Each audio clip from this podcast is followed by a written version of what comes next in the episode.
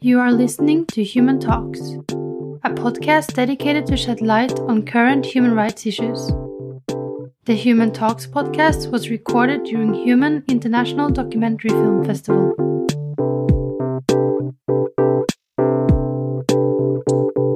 Hei, og velkommen til eh, denne neste samtalen. Klimapolitikken feiler, kan jussen redde oss? Det er et visst alvor over denne samtalen. Kloden koker. Vi vet at konsentrasjonen av CO2 i atmosfæren er eh, høy. Den er på 412 eh, partikler per million, som er ganske mye over det man tror er et safe nivå. Det beste vi har å bruke i denne kampen, er kanskje Parisavtalen. Der egentlig alle land har blitt enige om at vi skal holde temperaturen, eh, altså oppvarminga, godt under to grader celsius. Men de løftene som er levert inn, er ikke store nok. Mange land ser ikke ut til å nå disse målene. Og det er heller ikke kommet noen løfter om å redusere produksjon eller altså ekstraksjon av olje, gass eller kull. Selv om vi vet at to tredeler av verdens ressurser må bli liggende i bakken hvis vi skal klare dette her. Konklusjon klimapolitikken feiler. Er det nå jussen som kan redde oss, er spørsmålet vi tar opp i dag. Mitt navn er Marie Storli. Jeg er leder for en organisasjon som heter Rethinking Economics. Jeg er også utdanna økonom og kan eh, svært lite om eh, denne jussen. Men jeg har et uh, flott panel med meg i dag. Um, og jeg skal altså prøve å holde denne samtalen på et uh, nivå som vi uh, lekfolk kan forstå. det blir da min rolle. Um, så i det politiske vakuumet har vi fått ganske mange um, saker vi kan kalle klimasøksmål. det fins sånne saker i over, i, altså over 1000 saker i Eh, jeg har sett litt ulike tall. 26 land står det noen plasser, andre 100. Um, men først skal vi altså høre litt om det norske klimasøksmålet. Og um, her har vi fått uh, Ingrid Skjoldvær, som er nestleder i Folkeaksjonen for Lofoten, Vesterålen og Senja. Hun studerer just og har engasjert seg i uh, klimasøksmålet uh, i lang tid. Um, så kan du fortelle oss litt om eh, hvor denne saken står. Den ble også anka i forrige uke til Høyesterett. Um, ja, hvor står den? Hva er ståa? Og uh, hvor går vi videre? Um, jeg tror For å svare på det spørsmålet så må jeg liksom gå litt tilbake igjen. Og så må jeg ta litt utgangspunktet for at vi er her som vi er i dag. Um, før jeg begynte å jobbe i Folkeaksjonen, så eh, var jeg eh, leder i Natur og Ungdom og var med da, da klimasøksmål gikk til tingretten første gang. Eh, og Grunnen til at vi valgte å saksøke staten, i utgangspunktet var jo fordi vi hadde Noen av dere har kanskje hørt om iskanten og den debatten som pågår rundt det nå. Eh, det var jo egentlig selve bakgrunnen for klimasøksmålet. At man, eh, politikerne våre bestemte seg for at de ønska å flytte iskanten for å tillate mer oljevirksomhet lenger nord. Ehm, så eh, ble de oljelisensene delt ut. Og eh, som mange ganger før så protesterte miljøorganisasjonene på dette vedtaket. Um, og gjorde det vi hadde gjort mange ganger før. Vi skrev høringsuttalelser, vi stilte opp på eh, demonstrasjoner der vi eh, kjefta på regjeringa og ba dem om å ikke dele ut disse oljetillatelsene. Men historisk sett har det vært ganske vanskelig også å skape et folkelig engasjement rundt oljepolitikken og klima. Det er nok noe vi bare har sett de siste årene, og kanskje klimasøksmålet har bidratt til å, å skape det. Um, så etter å ha prøvd ganske, eh, veldig mange metoder for hvordan vi kunne eh, sette dette spørsmålet på agendaen, så bestemte vi oss for at så kom muligheten for å, å teste eh, om Grunnlovens paragraf 112 kunne bli brukt til å, å stanse de her eh, oljelisensene. Så Det var jo på en måte bakteppet for at vi valgte å saksøke staten. var at Vi, vi ønska å, å, se om det fantes også en rettslig grense for eh, norsk eh, oljepolitikk og de klimakonsekvensene det hadde. Eh, så har jo, jeg vil jo si at veldig mye har skjedd i debatten, ikke bare i Norge, men i verden, siden vi, vi på en måte sendte inn søksmålet og offentliggjorde nyheten om at vi saksøkte staten. I første runde i retten så eh, I forkant av det så skrev vel alle eh, stort sett alle de store norske avisene at dette var amerikanisering av norsk politikk, at dette var en utvikling som man ikke ønska. Mens jeg opplevde at deriblant, eh, derimot blant folket så var det et veldig stort engasjement. Eh, et engasjement som vi kanskje ikke hadde sett komme, der vi samla inn mer enn en million kroner på ganske kort tid, der folk ønska å gi et økonomisk bidrag til søksmålet. Um, og Så kom jo eh, skolestreikene alt det vi har sett i det siste. og um, Man kan jo kanskje se litt at lagmannsretten sin dom den speiler kanskje i litt større grad det, den endringa vi har sett i debatten, der samfunnet som helhet kanskje har fått et litt større, en større bevissthet da, rundt eh, olja vi har her i Norge, og hvilke konsekvenser den har for klimaet. Så Det er på en måte der vi befinner oss nå. og så er det jo sånn at eh, For å for at vi skal kunne si at Grunnlovens paragraf 112, miljøparagrafen, liksom har, eh, har på en måte fått et, et større innhold, så må, må, egentlig saken til Høyesterett, fordi det er dem som, eh, dem som driver med, med sånn avklaring. Da. Så eh, nå er saken sendt inn for eh, Den er blitt anka til Høyesterett. Eh, og så må Høyesterett avgjøre om de vil ta inn anken. Så i løpet mm. av det året som går nå, så eh, vil vi jo nok eh, få en full avklaring da, på om denne saken eh, Ja, hva som skjer med denne saken. Mm. Og den er jo altså da eh, ikke den eneste saken av sin sort. Kristina Vogt er professor ved Institutt for offentlig rett og ekspert på internasjonal miljørett. Eh, hva kan du fortelle oss om alle disse andre sakene som foregår ute i verden, og hvordan eh, det hele henger sammen? vel, det kan vel sammenlignes med en bølge, virkelig, som går verden over. Uh, hvor i mange, mange land man prøver å bruke domstolene til å til å gjøre ulike ting. Uh, spesielt prøve å presse staten, eller få til at staten øker sin ambisjonsnivå i, i sine klimalover, klimaplaner. Men også se på tilpasningstiltak. Men det er en utrolig spennende utvikling som både har skjedd i løpet av de siste jeg vil si kanskje maks fem, seks, syv årene. Det er noe som er uh, relativt uh, nytt og vanvittig spennende å følge med. Fordi det som skjer, er det utvikles en slags uh, global, uh, et globalt språk. Man ser samme type argumenter, f.eks. i Australia, og i Nederland, og i Pakistan, og India og, og, andre steder. Og man kan jo bare anta at dommene snakker sammen, at de har et globalt nettverk. Men det er i alle fall en, en, en spennende utvikling.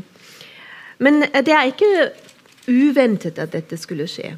Altså Domstolene er jo på en måte den tredje statsmakten. De har en veldig uh, viktig funksjon i, uh, i, et demokratisk system. De har en kontrollerende, korrigerende funksjon, også overfor staten selv. At man holder staten ansvarlig til det demokratiske rammeverket rundt en stat. Særlig Grunnloven eller folkerettslige forpliktelser, menneskerettighetsforpliktelser og hvis staten ikke gjør som den skal, så er det jo bare helt legitimt å gå til domstolene. Og det er noe som man uh, ser mange interesseorganisasjoner, individer, gjør verden over. Og det de gjør, er å prøve å holde staten ansvarlig til sine egne lover, eller fylle tomrom hvor man ikke har noen lover, eller prøve domstolen til å gi rettshjelp med uttalelser når, når, den rettslige situasjonen er litt uklar, så at man ber domstolen om å forklare hva er egentlig retten i denne situasjonen. Fordi klimautfordringen er så stor, så ny, uh, så omfattende at ofte henger som det juridiske regelverk bak den utfordring og utvikling som, som vi ser. Men vi har uh, noe veldig spennende uh, avtalt som bare nettopp, for to dager, tre dager siden, uh, kom en dom i Storbritannia uh, av en ankedomstol i, i, Storbritannia hvor det ble avgjort at utvidelsen av Heathrow Airport uh, var ikke i samsvar med Parisavtalens uh, temperaturmål. At da det ble vedtatt i Storbritannia at Heathrow Airport skulle utvides, ble det ikke tatt hensyn til temperaturmålene som er festet, lovfestet i Parisavtalen. Og med dette kom den domstolen til uh, det, den konklusjonen at det var eh, lovstridig. Så vi får se hvordan det, hvordan går, men det er en helt ny sak som ble det avgjort for, for, to dager siden. Hvor man bruker folkerettslige forpliktelser under Parisavtalen uh, til å tolke nasjonale lover. Mm. Sist, men uh, ikke minst, så har vi med oss Mark Taylor, um, som er forsker på Institutt for privat rett. Um, og som kanskje kan si oss noe mer om uh, selskapet sin, sin, rolle i dette her. Um, fordi næringslivet er jo etter hvert blitt en, en stor statsmakt også.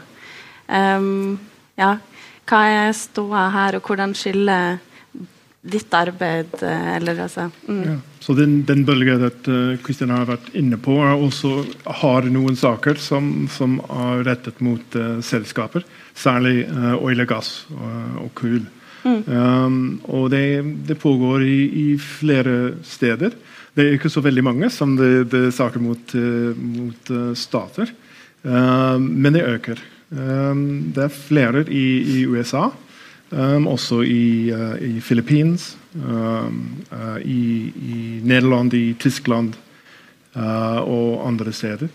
Um, og det er veldig interessant, fordi de har med ansvar ikke som uh, i den statlige saker, som, som gjelder om, om, å gjøre mer uh, eller gjøre nok uh, til å, til å um, etterleve den Parisavtalen.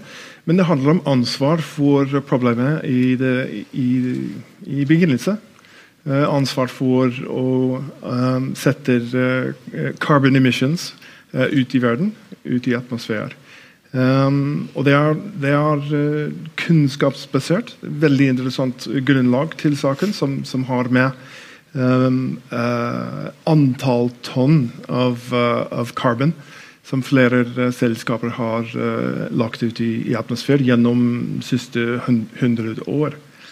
Um, og Det er flere saker. Det er, det er noen som, fra um, borgere, ikke minst uh, um, de som er kanskje påvirket av klimaforandring og vil ha erstatning for den påvirkningen. Det er en sak for eksempel, som, som pågår i Tyskland, hvor en bønder fra Peru Um, saksøker en stor uh, energiselskap i Tyskland.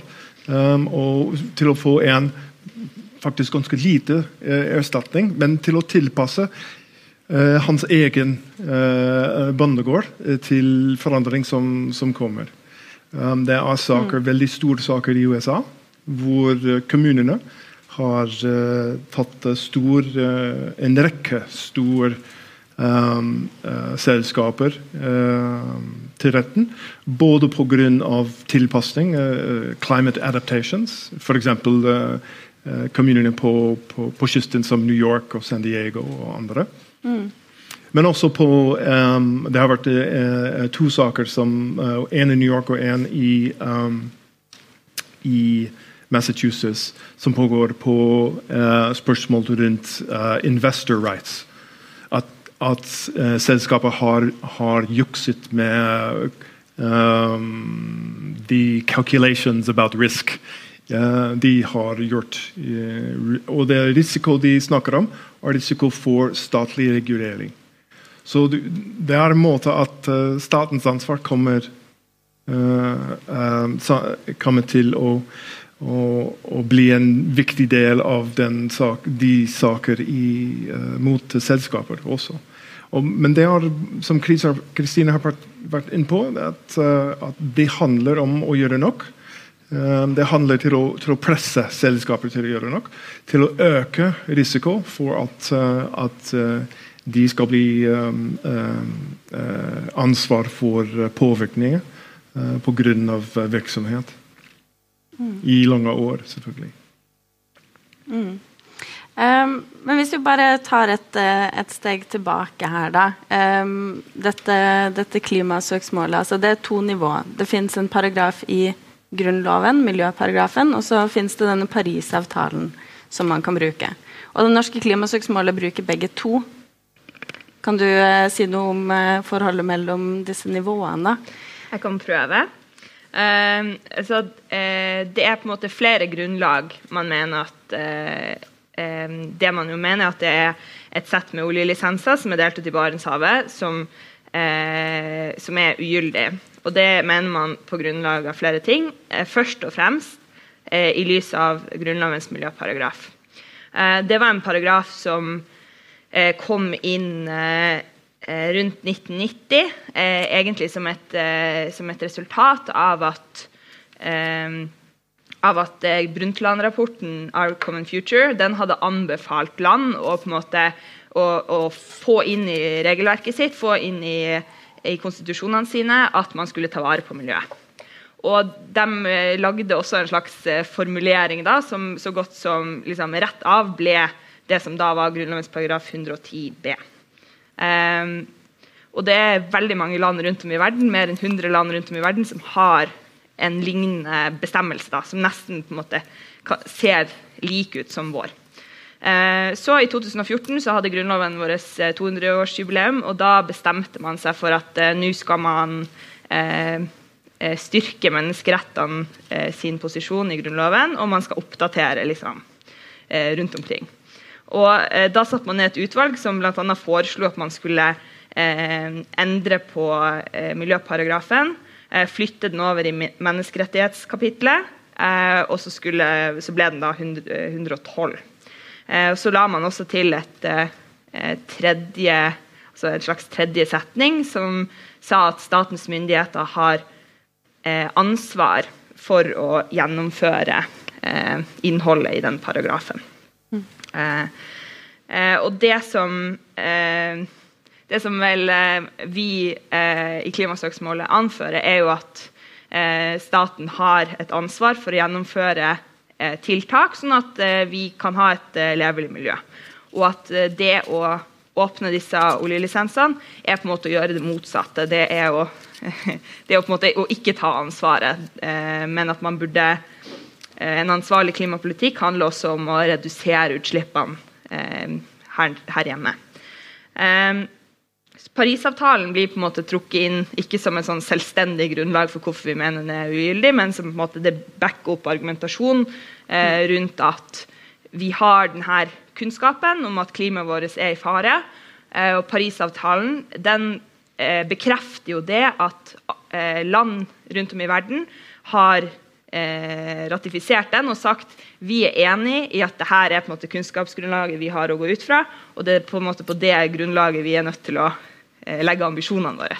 Mm. Um, så for å måte, oppfylle Parisavtalen så mener vi at man da også er nødt til å um, ja, Det følger jo at man er nødt til å redusere utslippene, og det innebærer også at man ikke kan uh, åpne så mange nye oljefelt.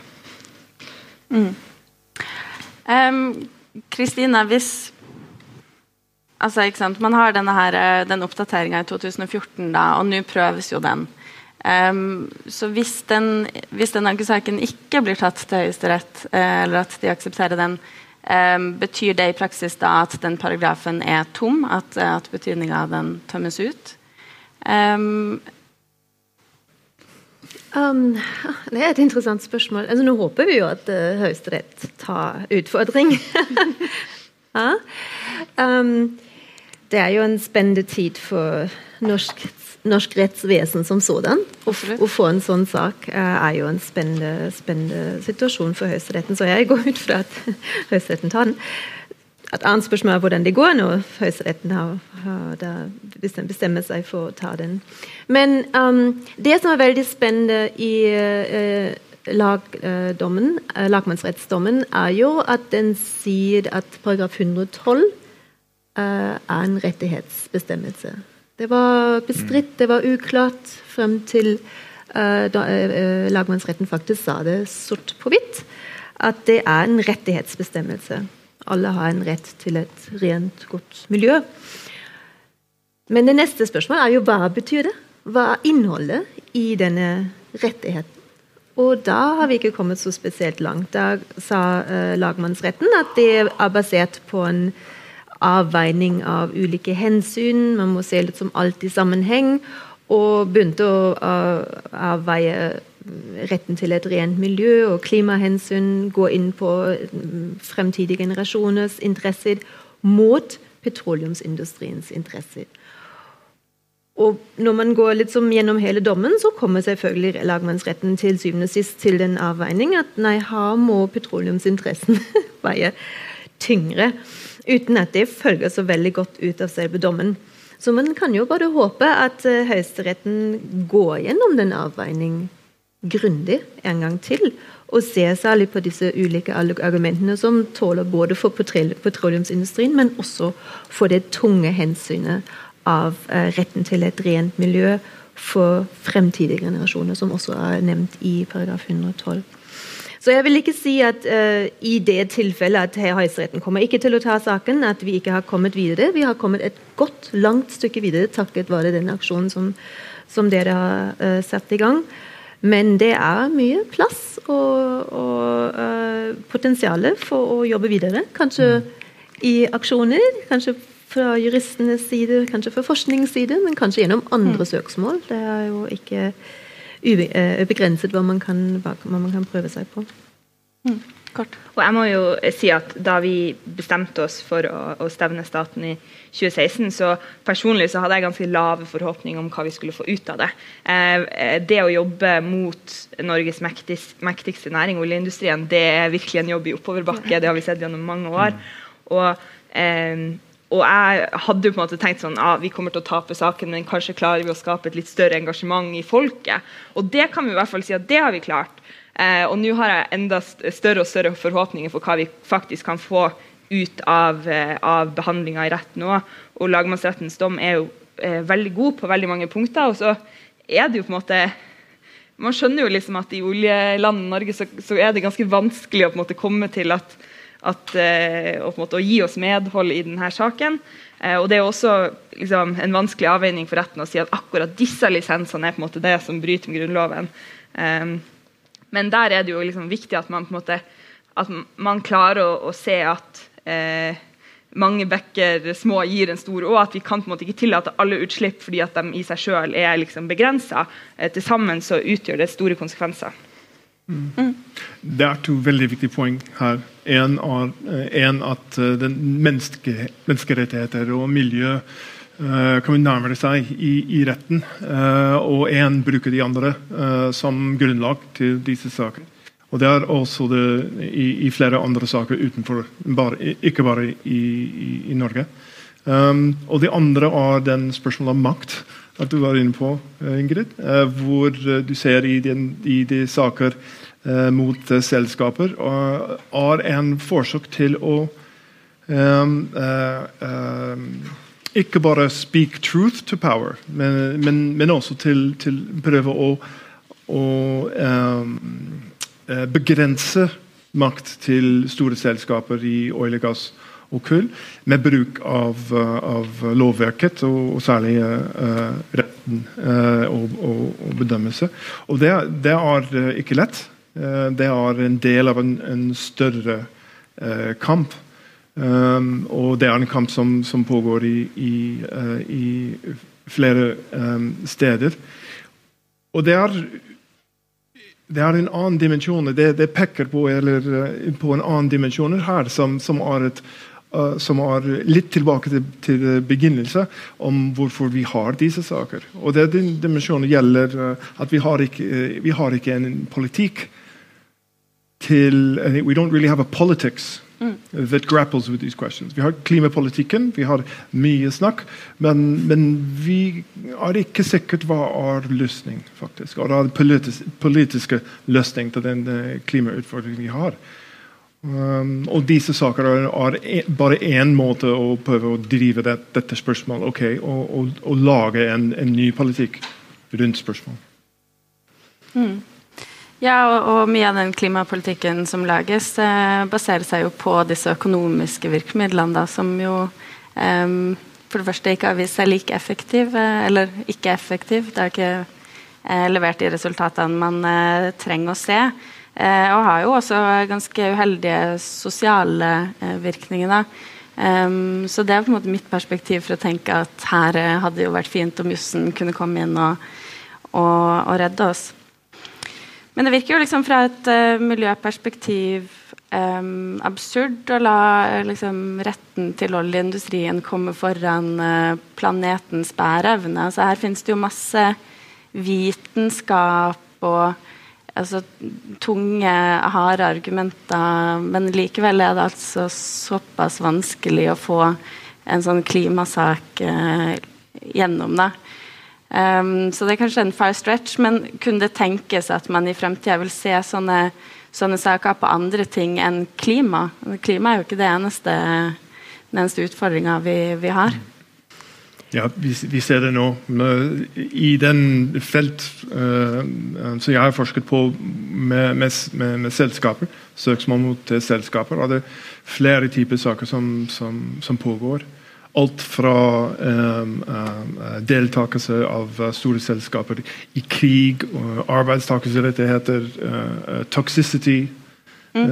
og, og, og, klima. Det er en, en ganske stor um, spektrum av forskjellige typer type saker. Uh, men det er som sagt, det er en del av i, i, hvert av disse saker er en del av en større kamper og kampanje rundt, rundt dette. Um, det er helt vanlig i, i flere stater at, er, at, at uh, arbeidstakere f.eks. Um, saksøker uh, selskaper i forsvar av sine rettigheter. Um, I andre er det staten som, som, gjør det.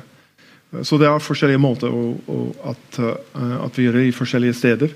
Men absolutt, det er, uh, det er en, en, en, måte å prøve um, å begrense den uh, makt av uh, økonomisk makt og politisk makt av flere nasjonale selskaper, særlig.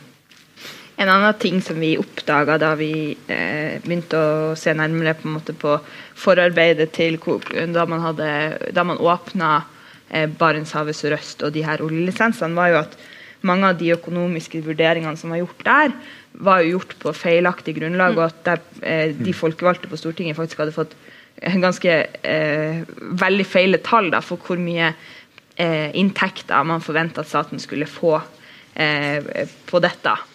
Eh, og, og, det som jeg på en måte det som jeg liksom kan lese ut av det Økonomi er på en måte ofte ikke noe vi som miljøvernere liksom, Det er ikke liksom prioritet nummer én. Men et viktig, et viktig poeng er jo at eh, der vi tillater miljøskade, så gjør vi det jo ofte fordi at det skal føre til andre gode konsekvenser for samfunnet, og det skal føre til arbeidsplasser. Og der vi ser at måte, selskapene, oljeselskapene får eh, får på en måte ha styringa på veldig mange av disse modellene og, og utregningen av hvilke positive konsekvenser, eh, positive konsekvenser, vi får, så får de det jo ofte til å bli positivt for seg. Eh, mens når du går ned, lenger ned i tallmaterialet, så viser det seg at måte, de tallene som er presentert, var kanskje ikke så optimistiske som, som, det de ga uttrykk for. Det har vi sett i debatten om Lofoten, Vesterålen og Senja, det har vi sett om Barentshavets Røst, og det har vi sist nå sett eh, om gruveprosjektene eh, som, der man foreslår å dumpe gruveavfall i Førdefjorden og, og Repparfjord.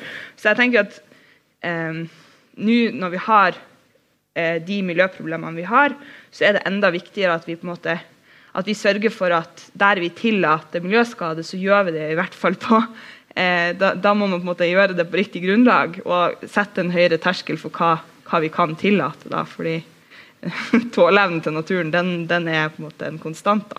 Mm. En kort replikk til ditt spørsmål. Altså, vi har jo hatt som, som Mark nevner, mange tilfeller av ulike søksmål i, i, over mange år når det gjelder miljøødeleggelse. Men det er ofte uh, søksmål som kom etter noe har skjedd. For søk om erstatning, for type forurensning. Eh, eller miljøskade. Men det som er det store, den store utfordringen med klima, og jeg syns derfor dette er et helt annet ballgame, er at vi prøver å unngå de verste endringer. Altså det er noe som man må, må gjøre um, uh, uh, nå, uh, og ikke ex post. Um, og det setter selvfølgelig det juridiske system litt på nye utfordringer. Fordi man prøver å, å komme i gang for, for å unngå skade istedenfor å søke om erstatning i etterkant. Uh, og Det som også gjør det utrolig krevende, er det jo at det er et globalt spørsmål. Det er et globalt problem som også er gjenstand i, i klimasøksmålet uh, mot Norge. Hvor man har mange uh, drivere, mange som bidrar med dette, og har globale konsekvenser. Um, og Da er det ikke så veldig lett å vise til hvem som har ansvar for hvilke type utslipp, men at man må et, ta et globalt krafttak. og liksom prøve å forstå hva det betyr fra, fra den, eh, for hver eneste stat, er jo egentlig det spørsmålet som, som Somsøler står overfor. Men bare for å sette, sette, det i perspektiv, når vi snakker om klima og klimautfordring, så må vi på en måte ta inn over oss hva, hva er vi egentlig up against? Og da er jo vitenskapen helt tydelig. Altså, vi vet jo uh, det, det internasjonale klimarådet sier at mot uh, midten av dette århundret så må de globale utslippene ned til net zero. Null. Uh, og det må man først liksom fordøye grundig, hva, hva, det egentlig betyr. Uh, netto null er jo at man kan ikke redusere alle utslipp overalt, men de utslippene som ikke lar seg redusere, de må man liksom balansere mot økte opptak. Og Det er en kjempeoppgave. Det er en kjempeutfordring for hele verden. Og det er ikke, ikke uh, uh, overraskende at staten er litt sånn tilbakeholden og, og late og ikke helt vet hva de skal gjøre, når man først uh, liksom forstår hva, hva, dette, hva, dette, inneholder. Og etter 2050 så skal utslippene forbli under null. Så dette er, det er en global, kompleks utfordring som på en måte krever all hands on board. Og da er domstolene en veldig viktig hand i dette bildet. Mm. Um, ja. Um, jeg tenkte at vi skulle åpne litt for spørsmål eh, fra salen også etter hvert. Så hvis det er noen som har et spørsmål, så er det bare å gi uh, et tegn til meg. Ja.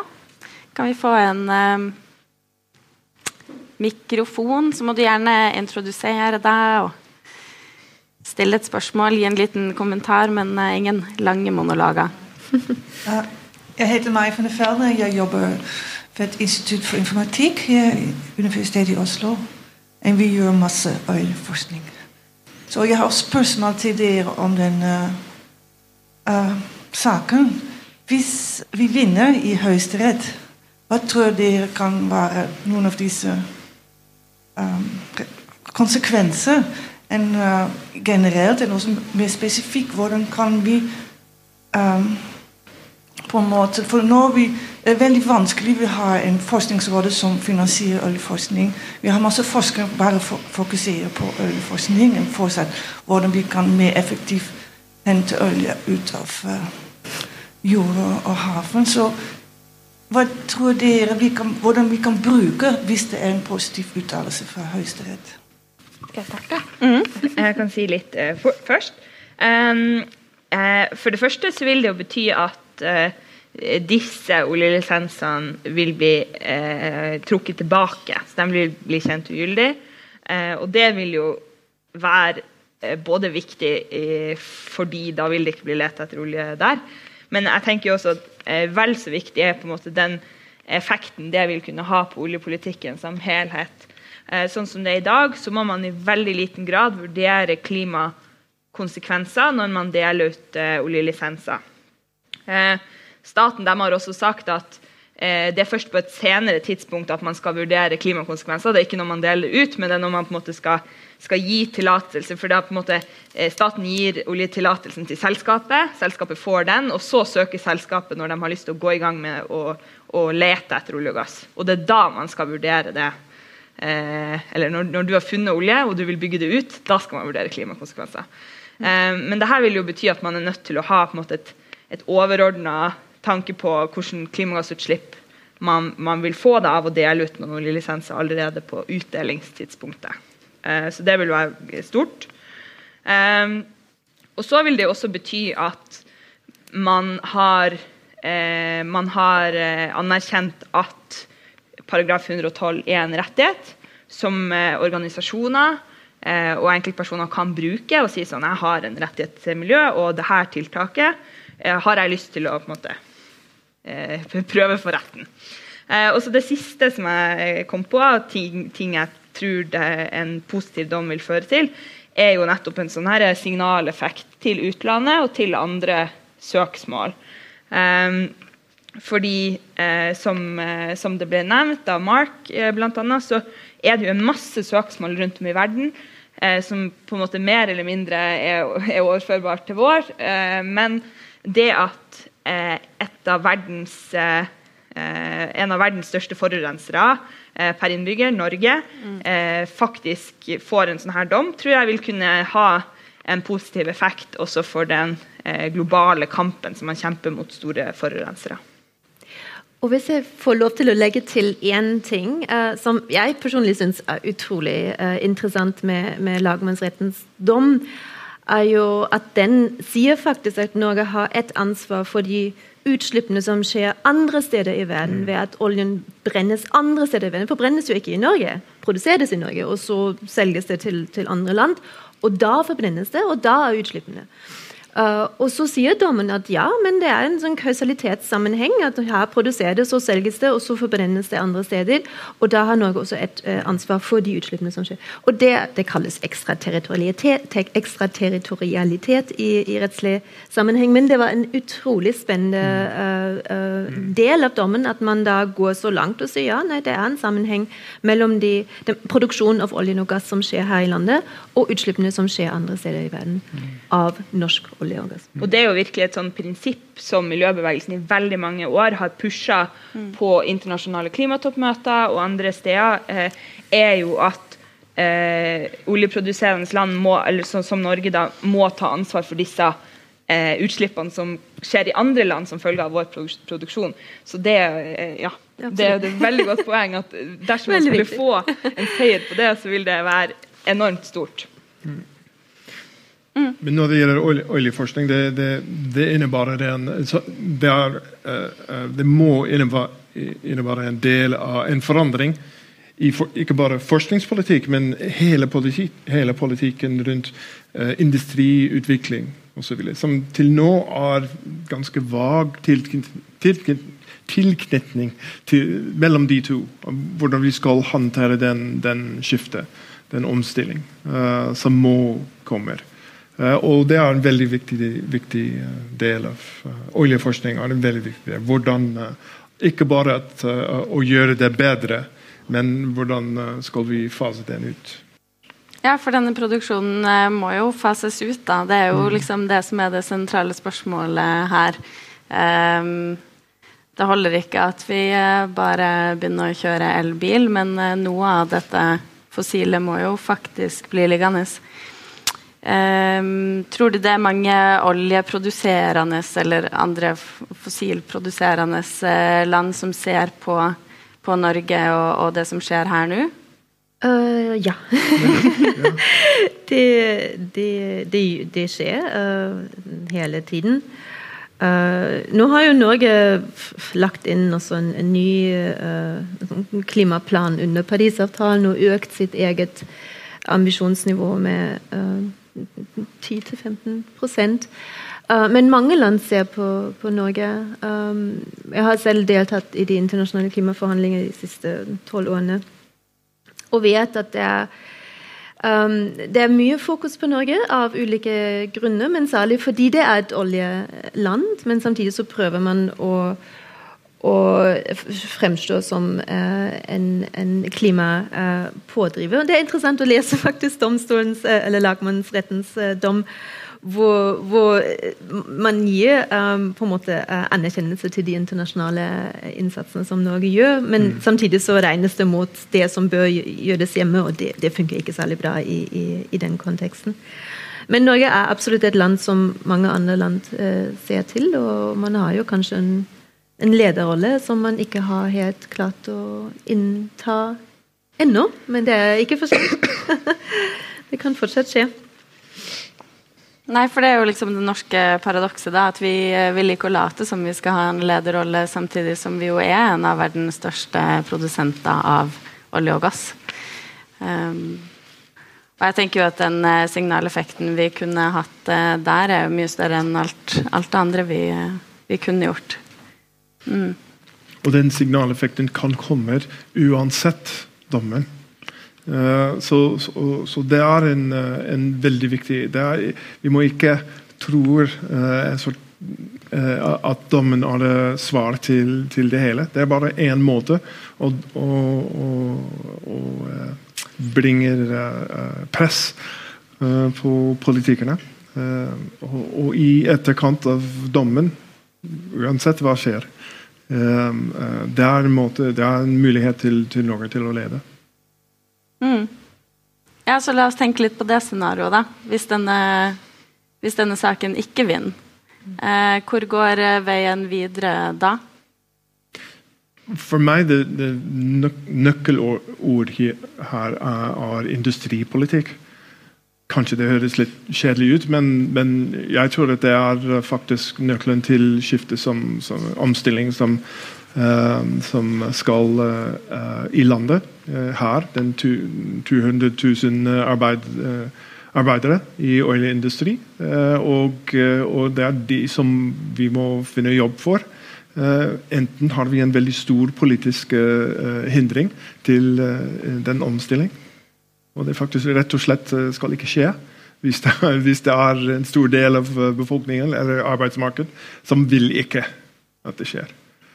Så det er, det er, det er sort job number one uh, i, i um, uh, innenlandspolitikk, og, og, det er industripolitikk som, som, må, som må, lede. Mm. Mm.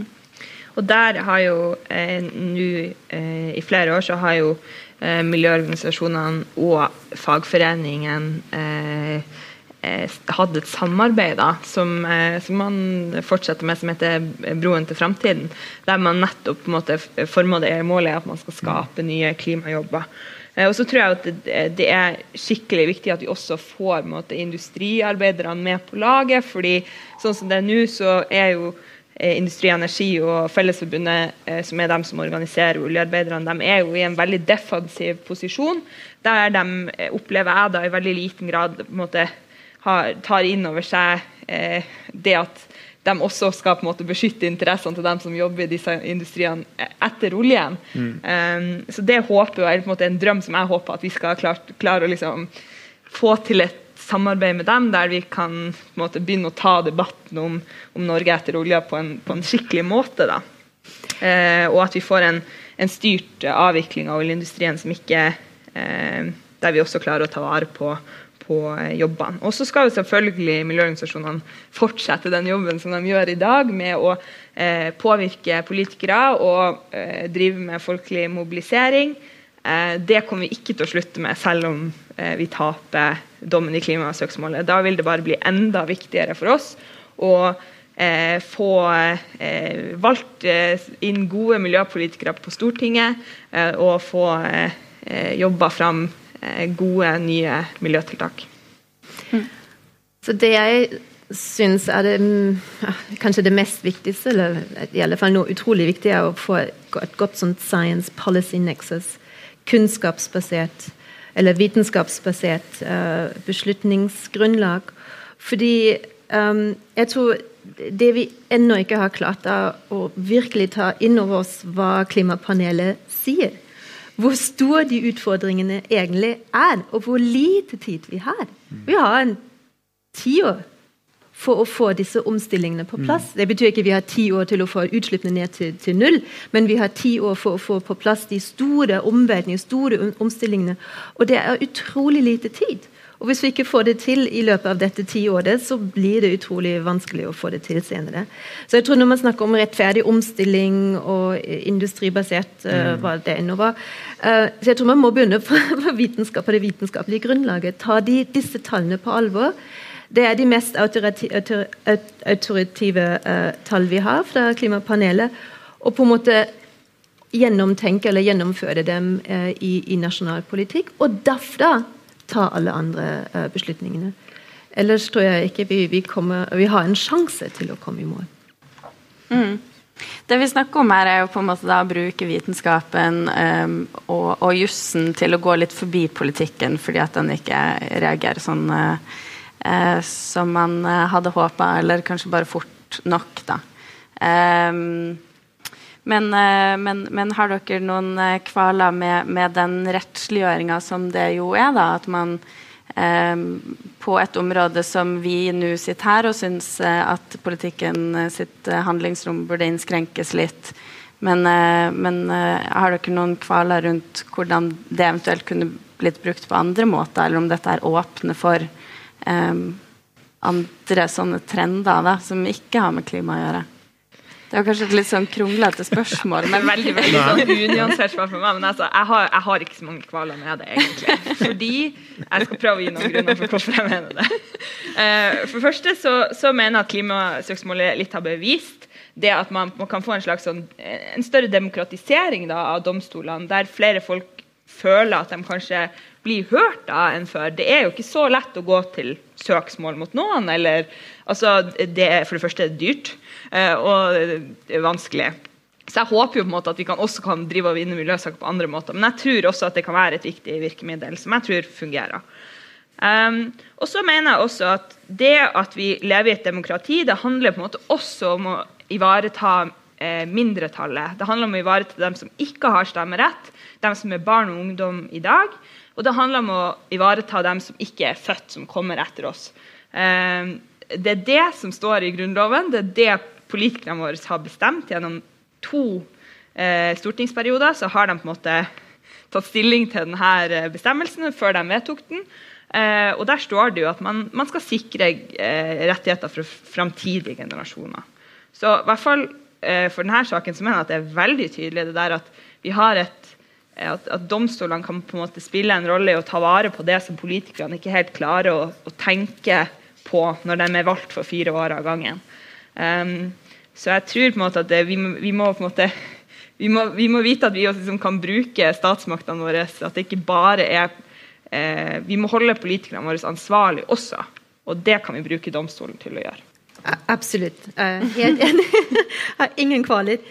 Um, Nei, jeg tror det er helt legitimt. Og, det er bare det som ja, Selvfølgelig bør man bruke domstolene. Det er, det, det er den mest grunnleggende funksjonen domstolene har i en rettsstat som, som Norge er, og, og holder uh, aktørene ansvarlig for, overfor sine egne lover. Uh, og, og, Grunnloven er jo bare et eksempel.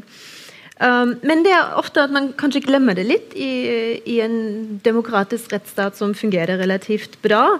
Men i møte med så store utfordringer som vi nå har med klima og, og kanskje andre miljøutfordringer, det å tape av biologisk mangfold er, er, en stor utfordring også, uh, hvor, hvor, man møter den kortsiktigheten som du var inne på, fire års uh, horisont, så ser man at politikken strekker ikke til, økonomi, økonomiske instrumenter strekker ikke til, og da må man ta uh, det jusapparatet apparatet i, i bruk. Og som sagt, jeg syns det er et helt, helt legitimt uh, formål.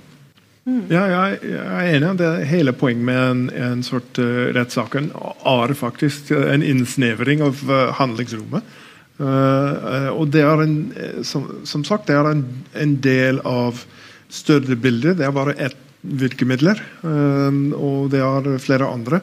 Um, jeg vil bare legge litt vekt på og Jeg er helt enig med, med hva Kristine og Ingrid har sagt. Um, men vi må ikke tro at, at det er uh, løsning.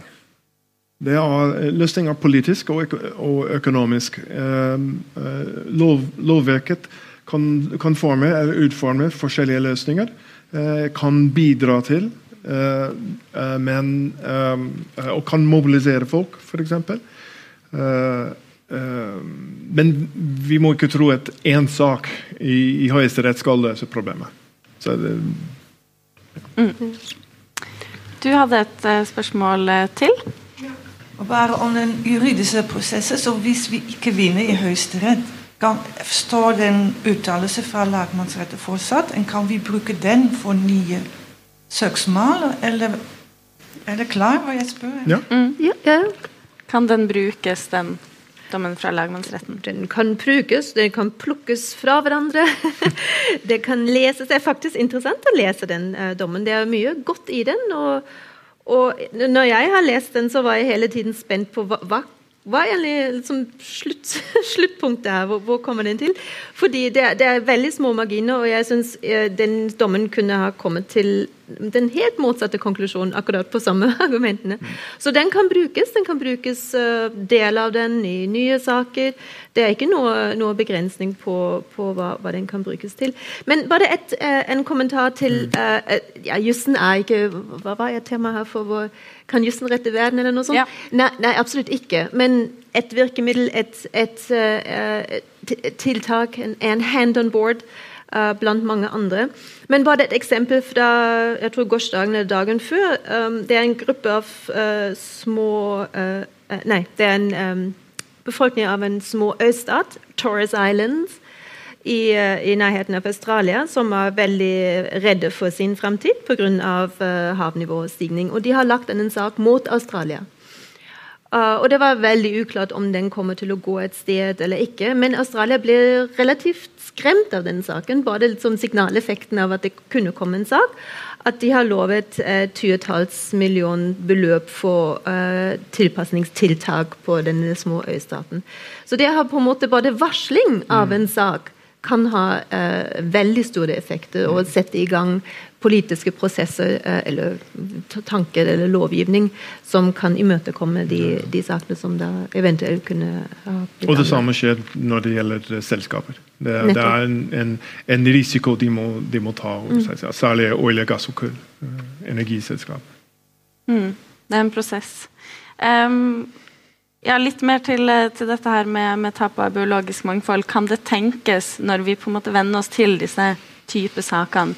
Kan det tenkes at man vil få sånne søksmål um, som um, um, mot sant, store prosjekter som, som, vil endre landområder, eller som går på disse andre tingene som ligger i dette rammeverket som heter Planetary Boundaries, da, hvis vi tenker på, på det, enten med land use change eller tap av biologisk mangfold, før skaden har uh, skjedd?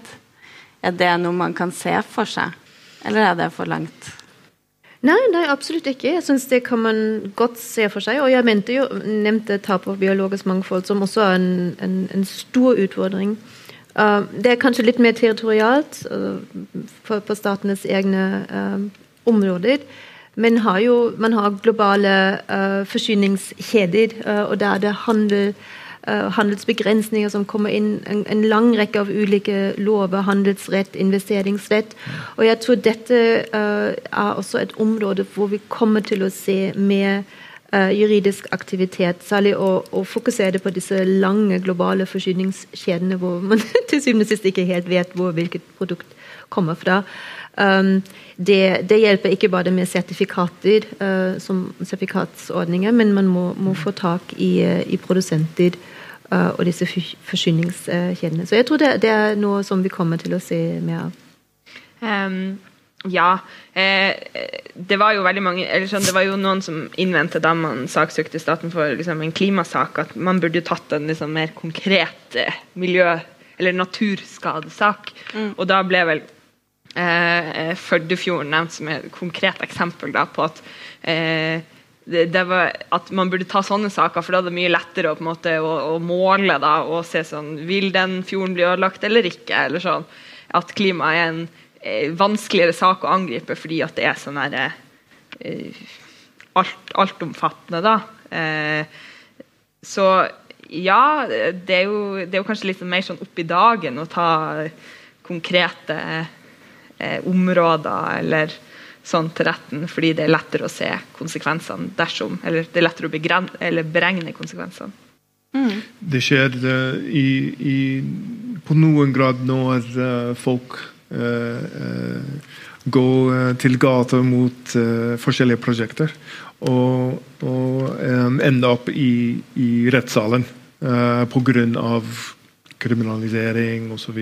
Vi snakker om det senere i dag, faktisk um, i en annen panel.